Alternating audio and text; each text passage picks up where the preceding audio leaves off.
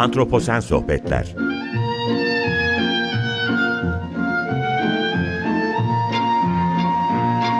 Hazırlayan ve sunan Utku Perktaş Merhaba, iyi akşamlar herkese. Antroposen Sohbetlere hoş geldiniz. Ben Utku Perktaş. Bugün programda doğa tarihi çatısı altında anahtar kelimemiz biyoçeşitlilik. Çeşitlilik hayatın tuzu biberi ise o zaman biyolojik çeşitlilik yaşadığımız gezegendeki ekosistemleri gerçekten baharatlı yapıyor. Yaşanabilir hale getiriyor. Biyoçeşitlik yalnızca bilim insanlarının değil, aynı zamanda dünya çapındaki politika yapıcıların da büyüyen bir ilgi konusu haline geldi artık. Ve sıra Türkiye'de diyorum ben. Çünkü çok geç kaldık ama çevremizdeki biyoçeşitliliği özenle korumamız gerekiyor. İlk kez 1985 yılında Walter Rosen tarafından ortaya atılan biyolojik çeşitlilik ya da daha genel adıyla bildiğimiz şekliyle biyoçeşitlilik, dünyadaki yaşam çeşitliliği ve onun oluşturduğu doğal modeller olarak tanımlanıyor. Biyoçeşitlilik aslında kolay bir kavram değil, ağzı dolduruyor. Tanımlaması zor, çevremizdeki türlerin zenginliği şeklinde de algılanabilir esasında ama yanlış, böyle değil.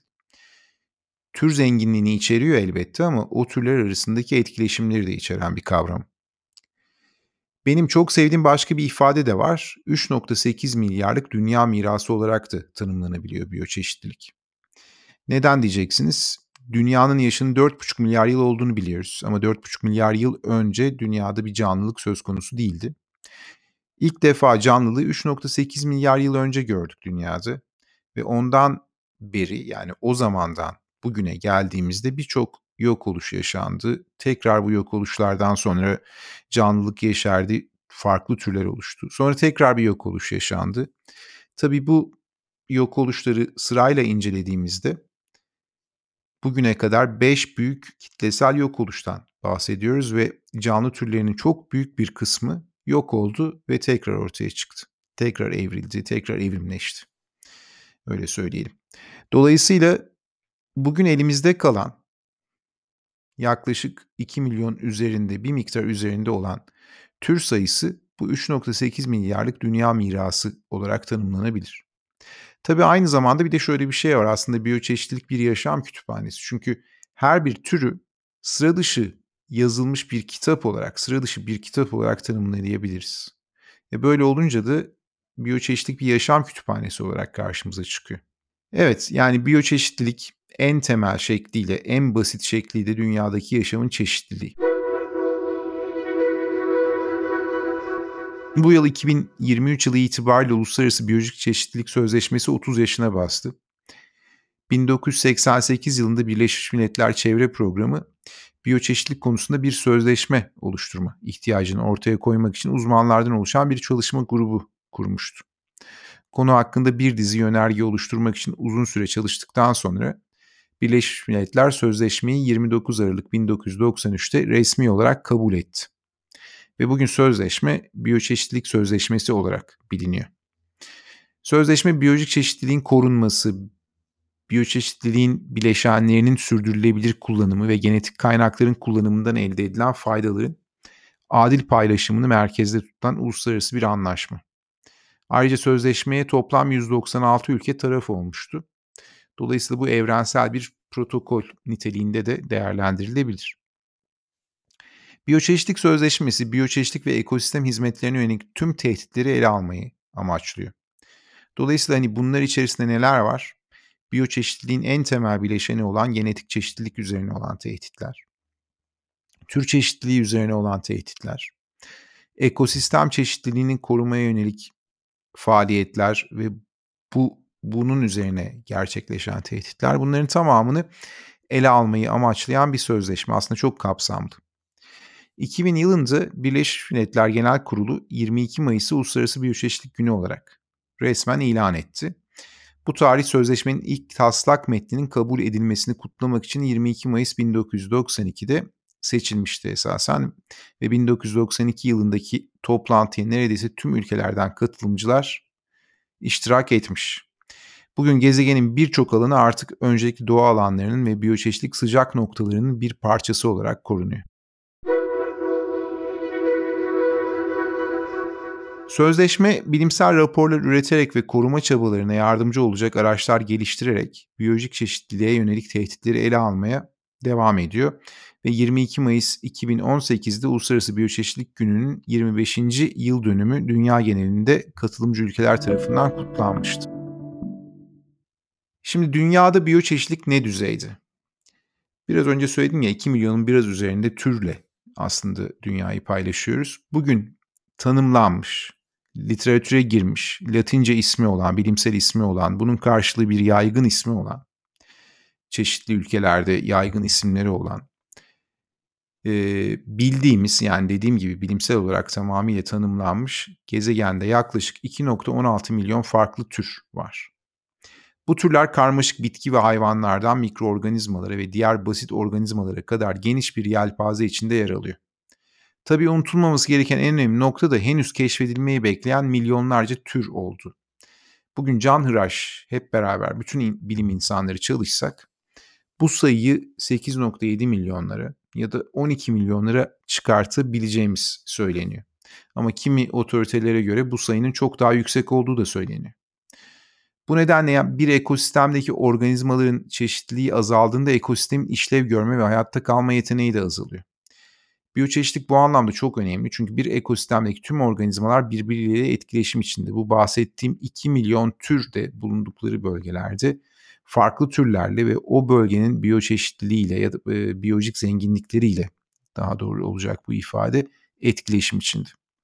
Dolayısıyla dünyadaki biyoçeşitlilik aslında bu düzeyde ve biyoçeşitliliğin yüksek olduğu noktalar dünyada genellikle tropik. 50 yıl içinde karasal hayvanların %58'inin azaldığı söyleniyor.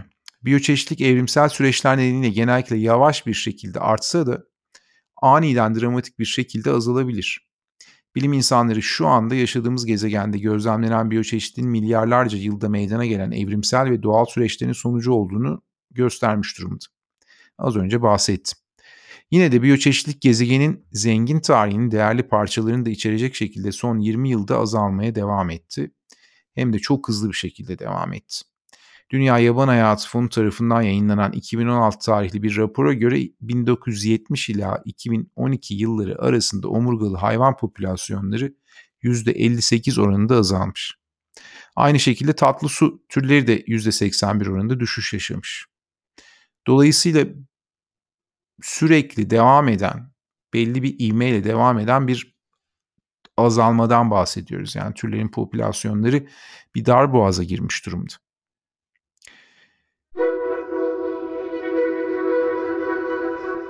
Peki türlerin yok olma oranı nedir? Günümüzde türlerin yok olma oranının 100 kat hızlı olduğu söyleniyor. İnsanın bu denli etki etmediği bir zaman dilimine göre yok olma oranına baktığımız zaman evet yok olma oranı 100 kat hızlı bugün. Yok olma süreci doğal bir süreç olsa da kirlilik, ormansızlaşma, yaşam alanlarının tahribatı ve doğal kaynakların aşırı kullanımı gibi insan faaliyetleri biyoçeşitliliği etkileyen yok olma oranlarındaki artışa katkıda bulunuyor. Birleşmiş Milletler Çevre Programı'nın yakın zamanda türlerin yok olma oranının insanın bu denli etki etmediği bir zaman dilimine göre 100 kat daha hızlı meydana geldiğini de belirtmiş durumda Birleşmiş Milletler. Bilim insanları bu ivmenin önümüzdeki 10 yıllarda 1000 ila 10 bin arasında bir oranla artış gösterileceğini de tahmin ediyorlar. Geldiğimiz noktada çok sayıda bilim insanı küresel biyoçeşitlilik kayıplarını belgelemiş durumda biz bilimcilere göre doğal yaşam kolaylıkla restore edilemiyor ve yeniden yaratılamıyor. Sadece yok edilebiliyor. Bilim insanları sayesinde yalnızca biyoçeşitliliği ölçmeye değil aynı zamanda biyoçeşitliliği korumaya yardımcı olmak için hükümetlerin sorumluluk almasına da ihtiyacımız var. Dolayısıyla karar vericilere burada çok iş düşüyor. Bu sorumluluk farklı çevresel problemlere maruz kalan ve eşitsizliklerin yüksek düzeyde olduğu Orta Doğu coğrafyası için de öncelikler arasında olmalı.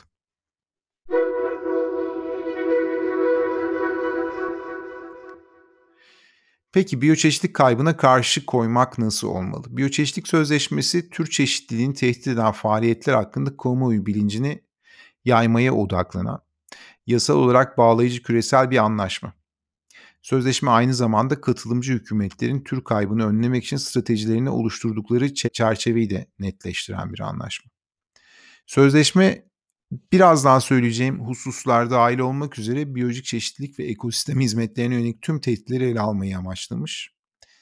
Bilimsel değerlendirmeler yoluyla iklim değişikliğinden kaynaklanan tehditler, uygulama araçlarının teşviklerinin ve bilimsel süreçlerin geliştirilmesi, teknolojilerin ve iyi uygulamaların transferi ve sözleşmede belirtilen süreçleri halkın, yerel yönetimlerin, sivil toplum kuruluşlarının ve iş dünyası dahil olmak üzere ilgili paydaşların tam ve aktif katılım.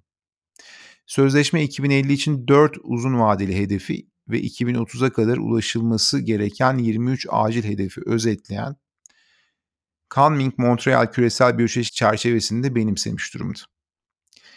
Biyoçeşitlik burada anlattığım gibi esasında farklı bakış açılarıyla anlattım ama oldukça önemli bir kavram ve biyoçeşitliliğin farkında olmak zorundayız.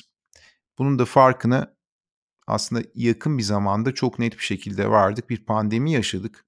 O pandemi sırasında evlerimizde kaldığımız dönemde çevremizde ne olup bittiğini gördük. Biz şehirde yaşayanlar yani şehirde yaşayanların çoğu diyeyim belki biyoçeşitliliği doğal yaşam belgesellerinde görüyor çevremizde olup biteni görmüyor ama dışarıda şehir yaşamı içerisinde çok hızlı akan bir süreç var belki.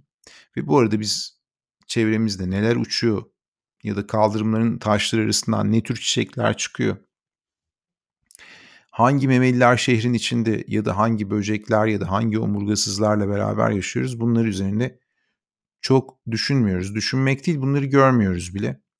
Ama ciddi anlamda onların varlığına gezegenin ihtiyacı var. Gezegendeki yaşamın sürdürülebilir olması için bu bileşenlerin korunması gerekli. Ve geç kalmış durumdayız. Ama zarar neresinden dönsek kardır diyorum. Bunları dikkat çekerek farkındalığı biraz artırarak tüketimden daha uzaklaşarak sürdürülebilir bir yaşam benimsemek, tüketimi azaltmakla bu mümkün olabilir ve çevremizdeki canlıların da farkında olarak yaşamalıyız gezegeni sürdürülebilir hale getirmek için. Evet bugün antroposen sohbetlerin sonuna geldik.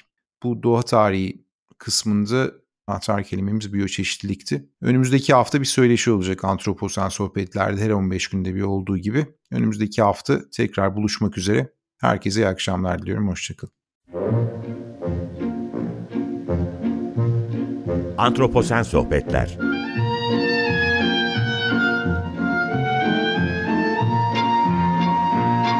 Hazırlayan ve sunan Utku Perktaş